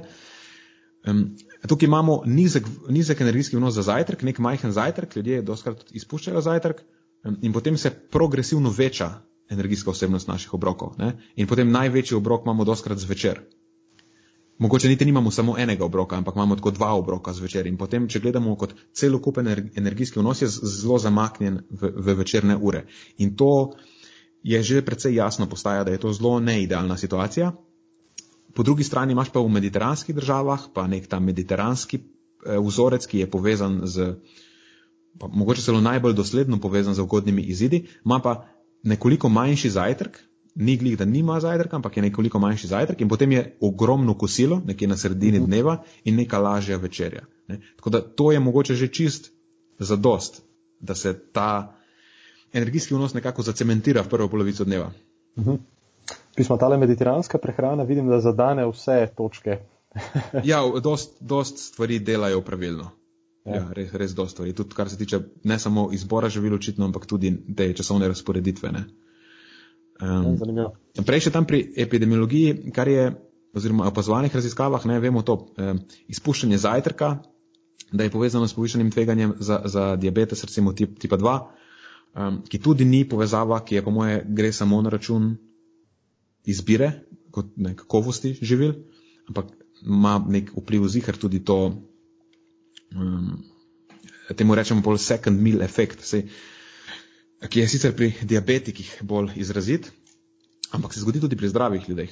Um, gre za to, da um, v bistvu gre za učinek zajtrka, ki povzroči, da je po kosilu ali pa v obrokih v, potem v drugi polovici dneva eh, dvig krvnega sladkorja nižji, oziroma da je bolje stvar uh, regulirana, ne? hitreje se tudi vr, vrne v, na nek baseline. Um, tukaj so predvsem una Taylorjeva skupina iz Univerze v Newcastlu, pa še en raziskovalec, ki je Jakubovic, ki eh, zelo dosledno objavlja na to temo. Um, ja, ta učinek se zelo, zelo dosledno kaže, kaže se pri diabetikih res izrazito. Um, zdaj, zakaj točno ne vemo, lahko bi bila um, vloga teh inkretinov, ki so nekako najviše ravni, uh, so zjutraj in potem to potencira akcijo uh, oziroma aktivnost inzulina sploh specifično ukrepi to prvo fazo inzulinskega odziva in to je tako ta zelo robusten dvig inzulina v prvi fazi po obroku, je znak eh, zdrave presnove. Ne? Tako da to, da se ti po obroku močno dvigne inzulin, je dejansko znak eh, zdrave sposobnosti nadzora nad krvnim sladkorjem. Ne? Eh, plus to, da recimo sploh pri diabetikih prvi obrok občutno lahko zniža ravni prostih maščobnih kislin, ne? kar potem spet omogoči boljše delovanje inzulina. Tudi to so pokazali, mislim, da je Kubovic, da ljudje, ki zjutraj zajtrkujejo, potem imajo po zajtrku zelo, pač bistveno niže ravni prostih maščobnih kislin. In ta vpliv dejansko je lahko zelo, zelo, zelo izrazit. Mislim, da, ne spomnim se točno, mislim, da je bilo 700 kalorij pa 200 kalorij, večerja pa zajtrk, uh, je Kubovicova skupina. Ne, so imeli dve skupini, recimo. Ena je imela za zajtrk 700 kalorij, pa za večerjo 200 kalorij, druga pa obratno. In kosilo je bilo pa enako. In ta, ki je imela velik zajtrk, je bila ta area under the curve, ne, glukoze, ta um, um, Območje pod krivuljo. Območje pod krivuljo te glukoze 20 odstotkov je bilo manjše pri velikem zajtrku. Ne. Pomeni, da so imeli boljše regulirane ravni eh, glukoze čez dan. In pa tudi eh, ta area under the curve, glukoze po obroku je bil za približno toliko nižji, ko so jedli veliki zajtrk. Eh, plus to, da je bil tudi pik glukoze, ne, kako močno glukoza naraste, je bil za 25 odstotkov skoraj nižji pri, pri velikem zajtrku, za četrt se mi zdi. Nisem zihar. Um, Tako da mm, to je neka stvar, ki pač to neko tako front loadanje eh, kalorij, ne? to, da stlačiš kalorije ali pa en ugljikove hidrate, v, se ne dobesedno, ne, ne rabimo iti v ekstrem, ampak recimo, da jih je večina v prvih dveh obrokih eh, dneva, um, ima lahko zelo konkreten vpliv. Um, Sicer ne vem, kje skupina je bila, ampak se spomnim, da so pokazali, da drastično se lahko zmanjša obdobje eh, eh, hiperglikemije pri diabetikih. Čez, čez dan, recimo, je to je za njih zelo pomembno, kol, kolikšno obdobje časa preživljajo v stanju povišenega krvnega sladkorja čez neke zdrave meje. In mislim, da je bilo pokazano, da iz 40 odstotkov na, na, na 13 ali pa nekje po 15 odstotkov lahko to obdobje zmanjšamo tako, da pač front, front, front loadamo kalorije in ugljikove hidrate v prva dva obroka. Ne. To pomeni, da nekje, kako bi to bilo, ne, nekje 6 ur manj si hiperglikemičen čez dan. Mislim, to je zelo drastična razlika. Ampak tukaj govorimo pri diabetikih. O, mislim, ja, o diabetikih govorimo. Ja, ne, ne na zdravi populaciji. Ja, ker recimo, čist, če govorimo o zdravi populaciji, je pa ena lah eh, študij iz 2017 rečeva sveža. Dokaj sveža, da vas sveža. Ja. Spet Jakubovicova skupina, ki so pa dejansko primerjali, mislim, da podoben protokol kot tisti z veliko večerjo in velikim zajtrkom, tudi pri zdravih posameznikih. In je, sicer je prišlo do, do tega vpliva, do tega uh, second mill efekta je prišlo, ampak res je drastična razlika. Ne? Sicer stvar je bila statistično značilna, ne vidi se, kako je, tudi na grafu se vidi, kako je ne, potem po drugih obrokih dvig manjši, ampak je tako res, res se vidi drastična razlika med diabetiki in med zdravimi ljudmi. Ne? In to mi nekako daje sludi, da nisem glih zihar, da je to praktično neka stvar, ki pri nekom, ki je še zdrav, bi lahko imela veš, neke znatne vplive. Uh -huh. Um, mogoče ena stvar, ki pa jo moramo še povedati, pa tudi to samo, samo zdaj smo govorili, kako je koristno to, da nekdo je zjutraj, recimo, ne, ali pa v prvi polovici dneva. Imamo pa tudi precej take, um, pa tudi precej dosledne povezave o tem, kako pa hranjenje v drugi polovici dneva je povezano mogoče z neidealnimi odzivi. Um, mislim, da um, McHill in sodelavci so bili. Um, mislim, da je bila presečna raziskava, um, kjer so pogleda, gledali, kako je ta stopnja zamaščenosti povezana s tem, um, v, ka, v, v kakšni razdalji od tega, tega dim, uh, dim light melatonin onceta zaužiješ 50 odstotkov svojih kalorij. A, a je to jasno? Uh mhm. -huh. Pač ne. Um, in tisti, ki so zaužili 50 odstotkov svojih dnevnih kalorij 8 ur od tega, ko začne melatonin naraščati, torej v prvi polovici dneva v bistvu. Pri njih je bila povprečna stopnja zamaščenosti 22,2 eh, nekaj odstotka. Um, in pri unih, ki so pa um, 4 ure pred tem pojavom, je pa bila nekaj čez 30 odstotkov. Torej, bistveno stopnja zamaščenosti. Ja, to, to 30 odstotkov, to je že kar. Ne, to, to je sicer povprečje moških in žensk, kot to moraš upoštevati, da tudi teh 30 odstotkov je, je, je zgor, lahko nekje na zgornji meji normale. Ne. Sam če upoštevaš, da so vzorcu še tudi moški, to meni, da večina nima glih, ja, nima glih idealne telesne sestave. Ne. Ja. Um, ja. Um, da se v poločasih razdelimo ljudi med te late in early eaters, rečemo, torej ljudi, ki jejo pozno ali pa ki jejo zgodaj zdaj, po kakšnih kriterijih jih razdelimo, je zelo odvisno.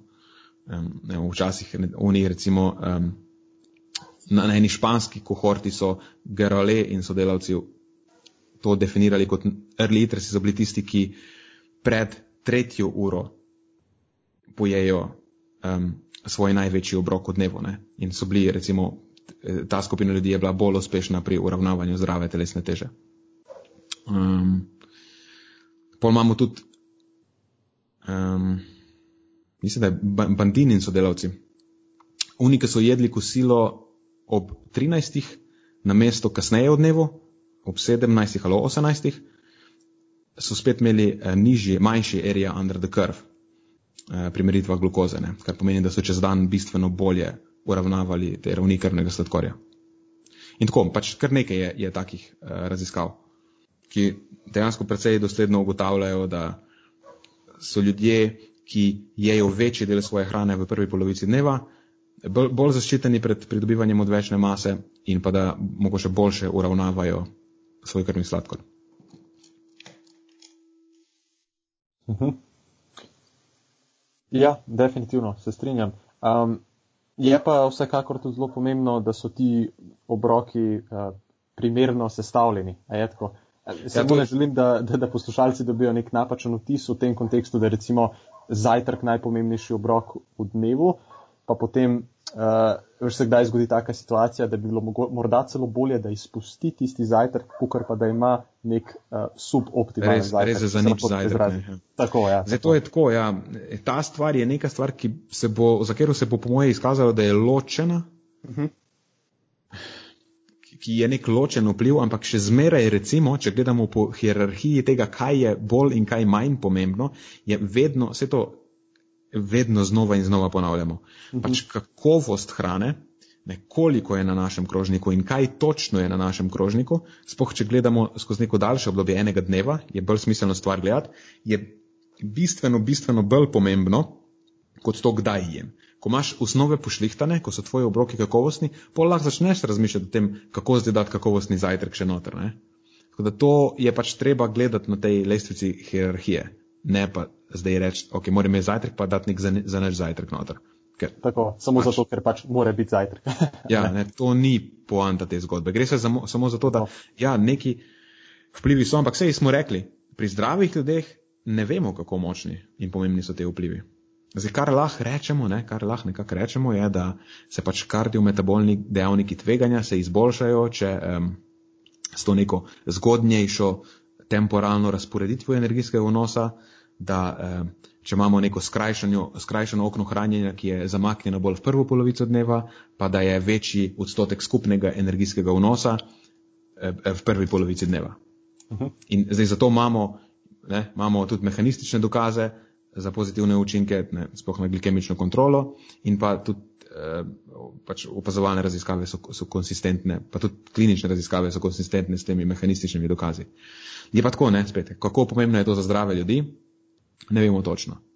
Za, za diabetike, ja, za uneke niso diabetiki, naj, ne vemo, mogoče je to naslednji glikemični indeks, a veš, ne, to je spet glikemični indeks je neka stvar, s katero se diabetiki morajo ukvarjati, ostali pa ne. Um, Tako da, ja, to, je, to je v bistvu lahko zaključilo na, na tej točki, po moje. Te lahko še tole vprašam, Nenad. Um, zdaj, uh, potem je bilo po vsej vrednosti lahko, uh, mislim, vemo, ne, da neko nočno hranjenje pa bilo precej uh, suboptimalno iz tega vidika. Morda za nekoga, ki ima ne vem, nočno delo ali pa kaj podobnega. Ja, tudi na tem, recimo, na tem področju nimamo dobrih raziskav, poznamo osebno enega človeka, ki se s tem ukvarja. Um, in točno s tem, kako dejansko nočno hranjenje, pa eh, koncentrirajo se na ljudi, z, ki delajo v nočnih izmenah, pač nekako probajo ne, narediti raziskavo, ki bi bila, oziroma zdaj že izvajajo, ki bi bila eh, lahko aplikativna za situacije te nekega um, dela v nočni izmeni. In njegovo mnenje je, da je takrat smiselno se osredotočiti na vnos beljakovin in spustiti vnos vsaj oglikovih hidratov, mogoče tudi maščob. Uh mhm. -huh. Da pač, če, če ješ takrat, ker ne, če delaš v zmeni, ne moreš, mislim, večina ne bo 8 ur ali pa še več ne jedla ničesar, da je potem mogoče smiselno se osredotočiti na beljakovine in nekako ustalo energijo, pa viš večino energije stlačiti v eh, sončne ure dneva. Uh -huh. Če greš tukaj kupenih premikajočih se delov, zaradi katerih je težko sklepati v teh stvarih, ne? ker se podnevi pol moraš spati. Tako. Ne, to, bo, to tudi vpliva na utirjenost tvojih ritmov. Je pa zdaj smiselno okoli spanja tlačiti takšno energijo. A veš, če bi lahko nekoga prepričal, da svoj dan organizira tako, da je dejansko, če glih je zunaj tema, on živi kot da je za njega svetlo in potem po dnevi spi v neki temni sobi, ne, dejansko, da se pač sam sebe utiri v obraten cikl, pom najbrž ne bi bilo panike, če on je takrat, ko je zvečer tema. A veš, ker je pač utirjen v ta, v ta, v ta cikl, ne. Um, Sploh, če bi uspel narediti ta kontrast z neko lučko, da si zvečer pol sveti v, v oči ja. Eh, s, temi, s temi blue light um, raznimi napravami in pol res, da po dnevi pač ni izpostavljen svetlobi. Ne? To je valjda v praksi Ta. neizvedljivo. Ja, problem je, da ne moreš živeti skozi svet. Ja, ne moreš sam, ker to bo pol imelo tudi najbrž kupenih negativnih učinkov veš, na tvoje družabno življenje in vse druge aspekte življenja, ki spet imajo neke učinke na tvoje zdravje. Zdaj, ja, razen, če lahko. Zelo rad žuraš, ne, veš, pa hodiš ven po klubih. Ja, ne, ja, ne vem, če. Mm, razen, če bi res, ne vem, lahko živel v nekem plemenu ljudi, ki delajo v, iz, v nočnih izmenah skozi in potem vsi živite tako, veš, v neki taki bizarni situaciji. Mm. Kar se mi pa zdi najbolj neidealno, je pa to, da se menjujejo šifti. Da delaš, ne vem, dva dni v izmeni, v nočni in pol dva dni, ne vem, po dnevi, to, to je pa najbolj brutalno. Ali pa tako en ja, teden ja. tako, en teden tako, ne. Če je le možno. Niso, da se navadi na nekaj. Ja, po, če je le možno, pa probaš izboriti neko vsaj uh, normalno izmeno. Se, v izmenah lahko mogoče bi naredila eno, eh, prav, celo mhm. epizodo. Uh, ena stvar, ki vemo, je to, da pač delo v izmeni je zelo neugodno za naše zdravje. Um, In vem, po, po moje bi mogla stvar imeti beneficiran delovni staž. Sploh se ne zeba, mislim, čisto resno. Uh mhm. -huh. Nekdo, ki dela v izmeni, bi pač, ne vem, se mu mogla nekako drugače delovni čas prištevati. Ja, zanimivo. Ker, okay. mislim, da, da, da, da podkrepim to trditev, ne pač zato, ker je zelo dosledno delo v izmeni po, povezano z, z raznimi slabšimi izidi, ne samo za, za kardiometabolno zdravje, ampak tudi za neka rakasta obolenja in take stvari. Se noče nobenega strašiti, nekaj ljudje morajo delati v izmeni. Sam je pač to tudi neka informacija, s katero morajo razpolagati. Se mislim, da se lahko ne, boljše odločajo o teh stvarih. Tako, tako. Mogoče planirajo svojo prehrano, aktivnost, kakorkoli, da si pomagajo. Če država ne bo zate poskrbela, moš sam. Hm. Okay. In na tej veseli točki. Super. Lahko moj dobro, dobro smo zamorili ljudi, zdaj pa lahko zaključimo s podcastom. Danes imamo spet eno malo daljšo epizodo. Aha, dobro. Je dolga urco pa pol. V redu, v redu. Tako da, na tej točki, danes na začetku so pozabili na naše Patreon supporterje. Lepa hvala vsem Patreon supporterjem, vi ste tisti, ki omogočate da tukaj imamo prežgane luči, da delamo na našem podkastu, da se trudimo, da bo vsebina boljša. Tako da hvala lepa. Hvala lepa tudi vsem tistim, ki delite naše vsebine in jih priporočate drugim. Tudi to pomaga, da naš podcast raste. Tako je. Ja. Se pridružujem se tvojim besedam in hvala, iskreno hvala vsem Patreon podpornikom in pa vsem, ki poslušate ta podcast, ki vam je všeč, ki ga delite in tako dalje. Povej, Tako da če... se. Ja? Povej, kaj si hotel reči. Ah, nič, nič, nič. Torej, če pa hočete slediti najnim vsebinam, hm. naj upofollowajte najboljše na Instagramu, najnih handli so nenad.filgut in pa Matjažev je matjaz.filgut. Za, če hočete sodelovati z nami, hočete prehranski coaching, svetovanje, če hočete vaditi z Matjažem in Marijom, ali pa potrebujete samo sestavo nekega vadbenega načrta, eh, tudi zato smo na voljo. za zdravje na delovnem mestu, predavanja, delavnice. Tudi to ponujamo, nam lahko pišete kar na mail, je info at fil.pomišljajgood.si in to je po moje to, a sem izpustil kaj. Ne, to je to, Nenad. Toda, dragi poslušalci, se slišimo v prihodnjem podkastu. Tako je, se slišimo in do naslednjič ostanite premišljeni. Tako je.